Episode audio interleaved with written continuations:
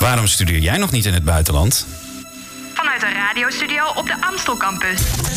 De Havana nieuwsupdate. Wat fijn dat je luistert naar de nieuwsupdate. Dit is de wekelijkse podcast van Havana, waarin we je bijpraten over wat er speelt op en rond de Hogeschool van Amsterdam. Mijn naam is Daniel Rommens en naast mij aan tafel zit Helene Gorres. Hallo Helene. Hallo. En vandaag praten we over studeren in het buitenland. Want deze week organiseerde de HVA het evenement Going International. En onze redacteur Suzanne Wijnker was daarbij. En ze vertelt je straks uh, welke verhalen ze daar gehoord heeft. Maar bij ons in de studio is ook een ervaringsdeskundige, Halil Selik, student van de opleiding bestuurskunde. Hallo. Welkom. Jij bent vorig jaar naar het buitenland geweest voor een minor. Waar was jij? Ik was in Istanbul, dat is in Turkije. En ik heb daar de Political Science en International Relations gevolgd. Oké. Okay. Straks wil ik alles weten over hoe je die tijd ervaren heeft. Maar nu eerst vertelt Helene Gorres je alles over het andere nieuws op de HVA. Cateraar Cormet die wil graag weten wat de HVA'ers vinden van het eten in de kantines. En daarom loopt er nu een enquête onder studenten en medewerkers van de hogeschool. Uh, en onze campus creators collega's die uh, wilden niet de uitkomsten van die uh, enquête afwachten, maar die gingen zelf alvast het aanbod testen op de verschillende campussen.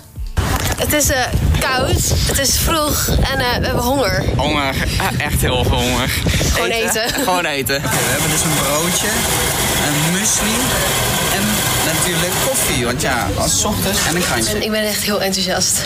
Waarom? Vertel. Oké, okay, ready? Ja? Uh, Oreo donut. Hm? Donut. Zeker een 8. Croissantje. Een 8. 8. Kaasstengel. Een 7,5 volgens mij. Um, fun fact. Mm. Deze kaasstengel smaakt echt naar kaas. Smaakt dus echt naar kaas. Hendrik, wat heb jij? Ik zou het oprecht niet weten, maar het ziet er zo uit. En het ruikt lekker. Uh, lekker. Oké. Okay. Uh, neem een hap, zou ik zeggen. En ik heb een, een, een pasta uh, salade, denk ik. Het is koud. Ik geef dit een 7,5. Een 6,5. 6,5, want? Ja, het, uh, de helft van de broodjes blijven plakken. Ah, zonde. En dat is geen goede kwaliteit. Oké, okay, uh, eindconclusie. Um, lekker. Over het algemeen uh, veel verschillende dingen. Mm -hmm. um, verder, ja, heb jij nog een minpuntje? Minpuntje? Ja, ik zou zeggen dat de prijs-kwaliteitverhouding niet altijd even goed is. Ik zit nu al vol. Veel gegeten vandaag. Nou liggen er best wel veel ongezonde dingen in de HVA-kantines, vind ik. Zoals bijvoorbeeld kaasstengels en croissantjes en zo'n Oreo-donut. Uh, de Cormet wil ook dat daar verandering in gaat komen. En afgelopen maandag mochten HVA'ers uh, nieuwe gerechten proeven... die misschien in de kantines uh, terecht gaan komen. En die heb jij ook geproefd? Dat klopt, ja. Ik heb een, een krekelburger gegeten. Hoe smaakt een krekelburger? Nou, het smaakt eigenlijk niet echt ergens naar. Ik vond het best wel melig. ik heb er een flinke dot chilisaus op gedaan... en toen vond ik het nou, wel te doen. Oké, okay, oké. Okay. En of jij nou uh, straks ook de krekelburger kunt gaan eten, dat is nog even afwachten. Want uh, de gerechten die de meeste stemmen krijgen, die komen in de uh, HVA-kantines te liggen. En de winnaars daarvan die worden volgend jaar bekendgemaakt. Dinsdagavond was de tweede editie van Brandende Kwesties. Brandende Kwesties is een debatreeks die georganiseerd wordt door debatcentrum Floor en door de opleiding Culturele Maatschappelijke Vorming. En de belangrijkste vraag dinsdagavond was of je als, als, als blonde vrouw je haar in dreadlocks mag dragen.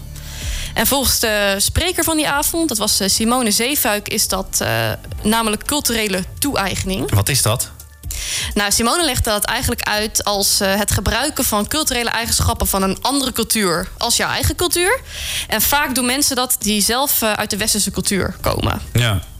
Ik was daarbij en um, Simone Zeefuik die, die heeft een soort uh, ja, mini-college gegeven eigenlijk. Um, over het koloniale verleden. En die gaf allerlei voorbeelden van wat dan culturele toe-eigening is. En dan vroeg ze daarna aan mensen in de zaal van wat vind jij ervan? Vind jij dat, dat dit kan? En dan liet ze bijvoorbeeld uh, iemand zien met een verentooi. Hè, de, uh, mm -hmm. Wat dan een cultureel item is uit de, de inheemse Amerikaanse cultuur. En um, nou ja, daar kwam niet zo heel veel reactie op. Dus daarom werd aan de zijlijn van het debat ook uh, gevraagd: van, is dit nou wel echt een debat? Is dit niet heel erg eenzijdig? Ja, want was er, was er ook een spreker die eigenlijk het tegenovergestelde uh, aan het verkondigen was die avond? Nee, die was er niet.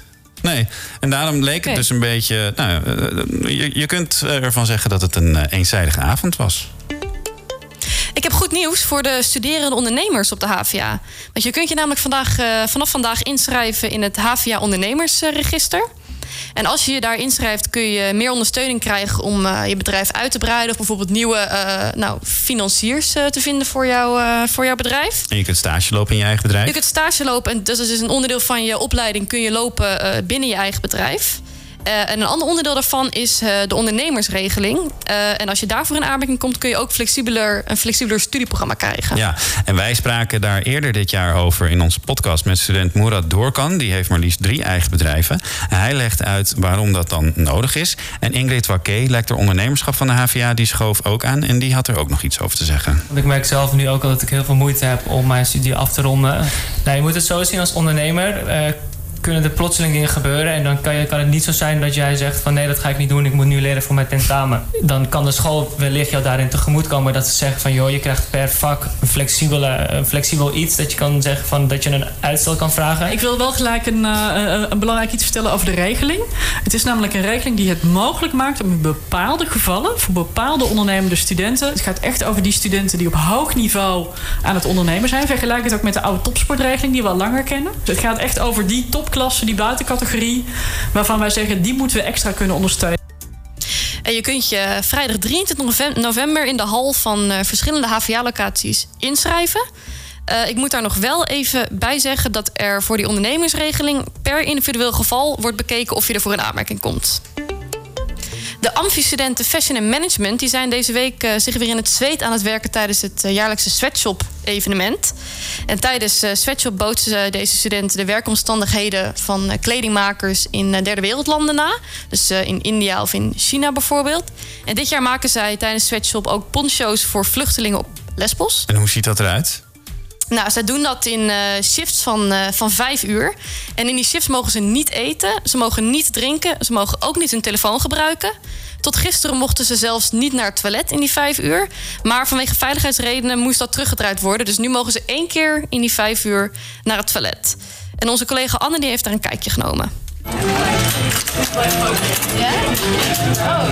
Okay, maybe one centimeter down, More. two centimeter down. Yeah. So maybe you have the yeah like this.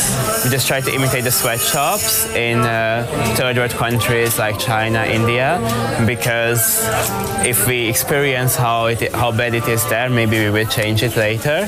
And also we use this as a good cause. So we are making 50 ponchos for adults and 50 ponchos for kids. Okay. I think that they made for Um, adults three and for uh, kids three also. Yeah, yeah, yeah. People have to sew five, yeah, five, five hours in a row, and they are not allowed to leave the room, go to the toilet, no phone, no talking. Hmm, actually, Wait, this one here, it has to be with the distance, you know? yeah, but I said But, to her, yeah. this has to be more down because here Yeah, still yeah, comes yeah, the yeah. hood. So basically, the whole point of this is not to suffer; it's us to learn that in third world countries, these sweatshops who make fast fashion clothing is so bad. The situation is much worse than this. So if we experience it at least a little bit, then when we enter the fashion industry, we are the one who can make the change. So people don't have to suffer. De HVA nieuwsupdate. Je bent afgestudeerd, maar eh, Ja. eh, waarom bemoei je je eigenlijk nog steeds met de HVA? dit is een passie voor mij. Ik vind het niet heel professioneel om mijn bestuursgenoot in de pers af te gaan vallen. Waarom gaat er zoveel geld naar jouw onderwijs? Nee, niet zoveel vragen hoor. Wil je niets missen van het nieuws en de verhalen op de campus? Schrijf je dan in voor de nieuwsbrief op havana.nl. Kunt natuurlijk je hele studententijd doorbrengen in Amsterdam of pendelen tussen Amsterdam en de plaatsen waar je ouders wonen. Maar er zijn talloze mogelijkheden om een deel van je studie in het buitenland te doen of je stage.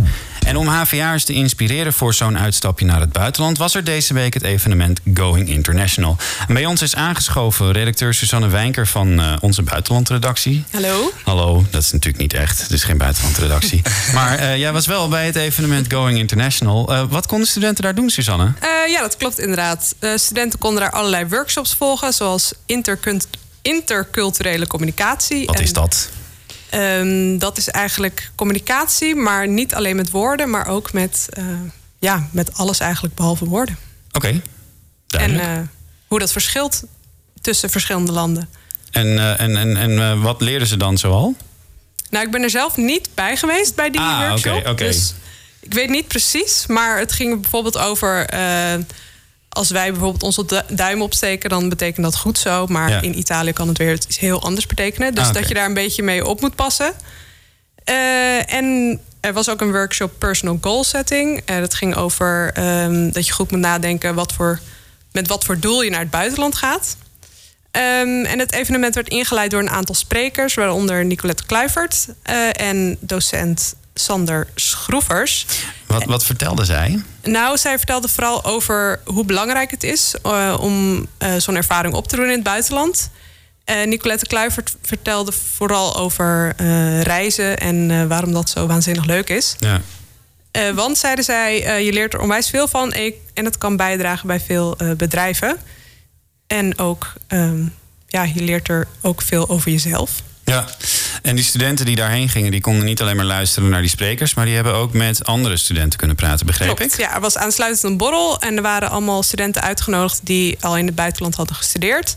En die waren verdeeld over staattafels en daar konden studenten naartoe gaan eh, om vragen te stellen. Ja. Ze waren opgedeeld in landen met vlaggetjes, dus je kon precies zien: eh, oh, ik wil naar Engeland, dus ik ga naar de tafel Engeland Ja. om even een vraag te stellen. En heb je, heb je een voorbeeld van een tip die eh, dan aan die studenten werd gegeven?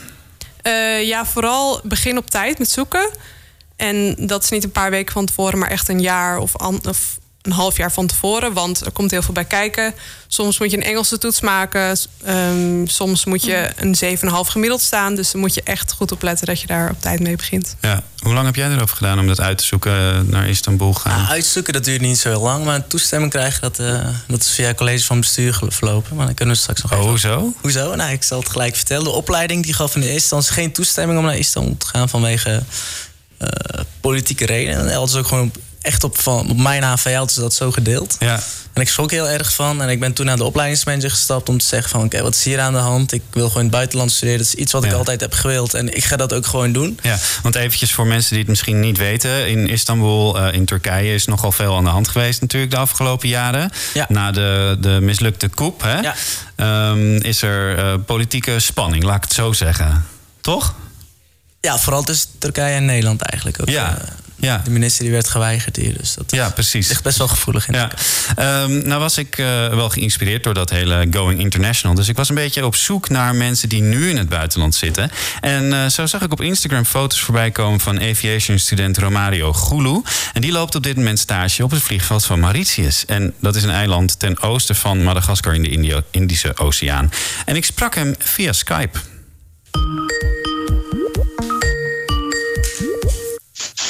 Ja, hallo. Romario, jij bent nu stage aan het lopen. Hoe is dat? Het is heel, heel mooi hoor. En heel. Ik weet niet. Het is echt een mooie uitdaging. Hier in het eh, koude Nederland eh, studeer jij aviation operations. Eh, heel kort, wat moeten we daar ons bij voorstellen? Aviation operations. Wel, eigenlijk begin je alleen maar met aviation. Dat is je eerste jaar waar je operations en engineering doet. Daar in je tweede jaar moet je kiezen of je operations of engineering. En ik heb gekozen voor operations, want ik zie mezelf meer in managing en meer logistical processes bij een airport business. dan denk ik dus aan eh, eh, waar gaan de passagiers heen? Hoe gaat het met de bagage? Hoe regel je dat alle vluchten op tijd zijn? Klopt dat een beetje? Alles, ja, dat is zeker van alles en nog wat. Ja. En dan ben jij nu op eh, Mauritius en je loopt daar stage op het vliegveld van Mauritius. Hoeveel, hoeveel landingsbanen zijn daar? Alleen maar één hoor, een klein vlieg, vliegveld. En hoeveel, vlieg- hoeveel vliegveld. vluchten komen er per dag ongeveer aan dan? Hm, Het hangt eigenlijk heel veel van af van de dag. Maar, Vandaag? Zeg maar voor ons, voor ons, voor onze ground handling company kan het zijn acht vliegtuigen of zo of meer. En waar ben, jij dan, eh, waar ben jij dan precies op zo'n dag mee bezig? Ik ben gewoon bezig. Normaal gesproken zit ik in de office. Dus mijn project gaat over eh, hoe kan ik optimizen van verschillende service delivery scores, want het is in Engels. Dus hoe gaat het eigenlijk om van het begin, dus van check-in en ticketing en al die andere dingen, tot aan het einde bij de gate en al die dingen tussenin. Dus En dan, wat, wat doe jij? met houdt in de gaten hoe passagiers het ervaren. Ja, ja. Maar je, je hebt het dan vooral over de logistieke processen, toch? Ja. Ja. Helemaal logistieke processen van het begin tot aan het einde. Ja, nou kan ik me heel goed voorstellen dat dat heel goed past bij jouw studie en dat je daar veel van leert. Wat leer jij van het feit dat je in het buitenland stage loopt? Uh, ik leer meer zelfstandig worden en meer, meer sociaal zijn in het bedrijf. Oké. Vanwege op het bedrijf zit je alleen en moet je eigenlijk jezelf, you know, push yourself out there, zoals ze zeggen. Ja, ja je, bent, je bent uit de Het veilige omgeving van de hogeschool, kan ik me voorstellen. Want eh, je hebt een soort van dubbele stap naar het buitenland gemaakt. Hè? Want je komt van Aruba. Ja, van is- Aruba. Ja, en studeren in Amsterdam is dan ook al een heel eh, geregeld. Een heel me. stuk, ja. Ja, daarom dacht ik ook van, weet je wat, ik, ik zit al in het buitenland, dus het zal mij geen grote boei zijn als ik nog meer, Nee. nog verder ga. Nee. Wat zou je willen zeggen tegen eh, studenten die misschien overwegen om naar het buitenland te gaan? Zeg je doe het of, eh, of is het eh, te veel gedoe? Do it, echt Ja? man. Just do it. Je moet gewoon jezelf die confidence geven van doe het maar, weet je, want you have nothing to lose. Het is altijd een nieuwe experience met alles. En als je gewoon met een positieve, eh, positieve mind, mindset, weet je, dan kan alles tegengaan, maar het wordt gewoon een mooie uitdaging aan het einde van de dag. En ben je ook wel eens iets tegengekomen, want je zit daar nu 2,5 maand, iets tegengekomen waarvan je denkt, oh, had ik dat maar niet meegemaakt? Wat vervelend. Dit zou heel dom klinken, maar gewoon constante wifi. Ja? Je bent zo gewend, zeg maar in Nederland, dat alles perfect loopt. Ja. Dat hier, met al die stroomstoringen of alles, ze zijn niet zo... ehm, hoe zeg je dat? Nou ja, je zegt hè, alles in Nederland gaat, eh, gaat zo eh, eh, goed, zeg je. Alles, alles Ja, is altijd geregeld. Gestructureerd. Dus alles is wel gestructureerd en hier niet zoveel. Maar je moet gewoon aanwennen. Nou, de boodschap van Romario die was duidelijk. Hè? Just do it. En eh, alles kan tegenzitten, maar het wordt sowieso een heel eh, leuke ervaring. Bij ons in de gast in, eh, in, te gast in de studio, je hoorde hem net alweer, is Halil Celik. En hij was vorig jaar naar het buitenland. Moest jij net als Romario ook even wennen, Halil? Ja, ja, ondanks dat ik al meer dan tien keer in Istanbul ben was geweest, is het toch wennen. Want je, je wordt gewoon onderdeel van de maatschappij. Je gaat gewoon met die, met die flow ga je mee. Je bent geen eh, vakantiemannetje meer. Je kan niet even. Ja, dat heb ik eerst per twee weken wel gedaan. En toen dacht ik van oké, dit, dit gaat hier niet werken. Want zo kom je niet in die, in die flow terecht. Waar, waar, waar, waar merk je dat aan dan? Nou ja, dan, dat je dan bijvoorbeeld veel te snel geld uitgeeft. En dat je dan eh, bijvoorbeeld elke dag uit eten gaat. En allerlei souvenirtjes koopt. Ik van, oké, ik ben hier helemaal niet om souvenirtjes te kopen. Ik ben hier om mezelf te ontwikkelen. Ik kom Ja. hier om, om te gaan studeren. Los van studeren, ik kom hier gewoon om, om een half jaar even eh, mezelf een boost te geven op eh, bepaalde vlakken. En wat ben je precies eh, eh, gaan doen in Istanbul? Ehm, hoe bedoel je gewoon het studeren zelf? Of? Ja, wat, want, ja, precies. Kun je nog even vertellen welke opleiding je bent gaan doen en, en waarom je daarvoor gekozen hebt ook? Ja, nou ja, ik heb niet gekozen voor Political Science International Relations. De HV heeft een uitwisselingsprogramma met, met de Yeditepe University in Istanbul. En wat ik mocht is eh, nou, de vakken zelf samenstellen. En ik heb zo wat vakken samengesteld, onder andere eh, Balkan, eh, political en politics in de Balkanlanden. Wat, heel, wat ik heel interessant vond, het meest interessante vak. Want ik had nooit over de Balkanoorlogen en eh, dingen. Dat, daar praten we in Nederland niet over. We hebben het vooral over de Tweede Wereldoorlog en de Eerste Wereldoorlog. Dat was er voor mij het eerste moment van: oké, dit, is, dit is geen Nederland. Ik moet toch even settelen. En Dat settelen, dat, dat, dat kan een maandje, anderhalf maandje kan dat duren. Ja, en dan heb je het over eh, ook tijdens je studie, maar ook denk ik in het dagelijks leven settelen. Ja, ja inderdaad. Want. eh, Jouw familie komt uit Turkije, maar jij bent zelf in Nederland geboren. Inderdaad, ja. En hoe werd je daar gezien? hoe ik daar werd Als gezien? Nou, Nederlandse, Turkse jongen. Ik werd niet gezien als Turk. Maar ik werd ook niet gezien als Nederlander. Oké. Maar er was de, de, de allerlaatste zaterdag van, eh, van mijn, eh, van mijn eh, ervaring in Istanbul gingen we, gingen we uit. eh, met exchange studenten. En ik liep daar als enige Turk tussen al de buitenlanders. En eh, nou, als je een club binnen wil komen, moet je vrouwen meenemen. We waren die avond met zeven vrouwen. En drie mannen. Ik dacht, nou, wij kunnen hier alle clubs in Istanbul binnenkomen. Dus eh, ik had er twee vrouwen, eentje links, eentje rechts. Gewoon puur omdat het moet. Dit- je moet die uitstraling hebben, want anders komen die tenten niet binnen. Want ik ben vaak genoeg geweigerd, zoals hier in Nederland ook wel eens voorkomt. Ja. Ehm, maar op basis waarvan dan? Nou, in, in Istanbul werd ik gewoon geweigerd op basis van, eh, van mijn afkomst. En dan zou je denken, hoezo je afkomst? Ja, want dat, dat zou je zeggen dat ze dat dan ni- niet zo makkelijk kunnen zien. Nee, nee, maar als ik, al, als ik al iets zeg, dan kunnen ze aan mijn accent horen dat ik niet hier vandaan kom, maar ook je gedrag en je kleding en hoe je zeg maar communiceert tegenover eh, best nog strengere bewakers dan hier in Amsterdam. En het eerste wat hij zei, zei, hij zei: Nee, man, gaat niet lukken. Ik zei: Hoezo niet? Hij zei: Nee, gaat gewoon niet lukken. Ik zei: Maar hoezo? Ik heb nu, wij zijn hier met genoeg vrouwen en dat wil je in je club. Want ja, als er geen vrouwen zijn, dan, dan, dan, dan, dan, dan, draait je club niet. En toen zei hij op een gegeven moment dat waar ik, waar ik nog steeds heel erg eh, van geschrokken ben. Hij zei: Ja, ga lekker terug naar je eigen land. Oké. Oeh, dat klinkt niet alsof je, nou, je echt geaccepteerd werd. Of, Nee, of nee ja, op dat moment niet. En eh, het, kan ook, aan- het kan ook aan het moment zelf liggen. Het is, het, het is best wel een extreem voorbeeld hoor. Maar wa- het- het- kijk, in Turkije is, is iedereen lief voor elkaar en staan altijd open voor dingen. Maar als je dan op zulke gevaarlijke plekken komt, wat ik, wat ik best wel. eh, ik, vind, ik zie het als, als gevaarlijke plekken, omdat als iemand zoiets zegt, dan staat hij gewoon niet open voor, voor een nieuw publiek. Ja. En, eh, en toen zijn we in een zielig cafeetje gaan zitten. En toen hebben we daar onze allerlaatste zaterdag eh, ja, niet gefietst zoals ze hadden gehoopt. Nee. En heb je nog meer, ehm, ehm, ja, want nu hebben we het over een club, maar zijn er nog meer voorbeelden waar, eh, waarbij jij voelde dat je toch niet helemaal geaccepteerd werd eh, in Istanbul? Nou ja, niet geaccepteerd. Je wordt gewoon gezien als een toerist. Ik was gewoon vier maanden lang was ik gewoon een toerist. En als jij als toerist in Thailand komt en ze proberen je van alles aan te smeren. Nou, dat heb ik dus vier maanden lang ervaren. En het Ja. was iedere keer van. eh, elk cent proberen ze gewoon van je af te plukken. Ja, maar nou, dat is het. Hier Ik in Amsterdam eh, eh, klagen we altijd over dat het zo moeilijk is om een kamer te vinden. Hoe ging dat dan bijvoorbeeld daar in Istanbul? Dat ging bij mij heel makkelijk, want ik ging gewoon googlen naar een kamertje. En eh, de koers was op dat moment ook heel hoog. En ik was bereid om net zoveel huur te betalen als hier in Amsterdam. Nou ja, dan, dan zou je denken, ik kan wel een penthouse daar huren. Ja. En ehm, ik heb gewoon gekeken naar de dichtstbijzijnde kamer in, eh, eh, eh, in Istanbul bij de universiteit. En dat was recht tegenover de universiteit. En ik heb toen mijn oom ingeschakeld voor de onderhandeling. Want, Ja.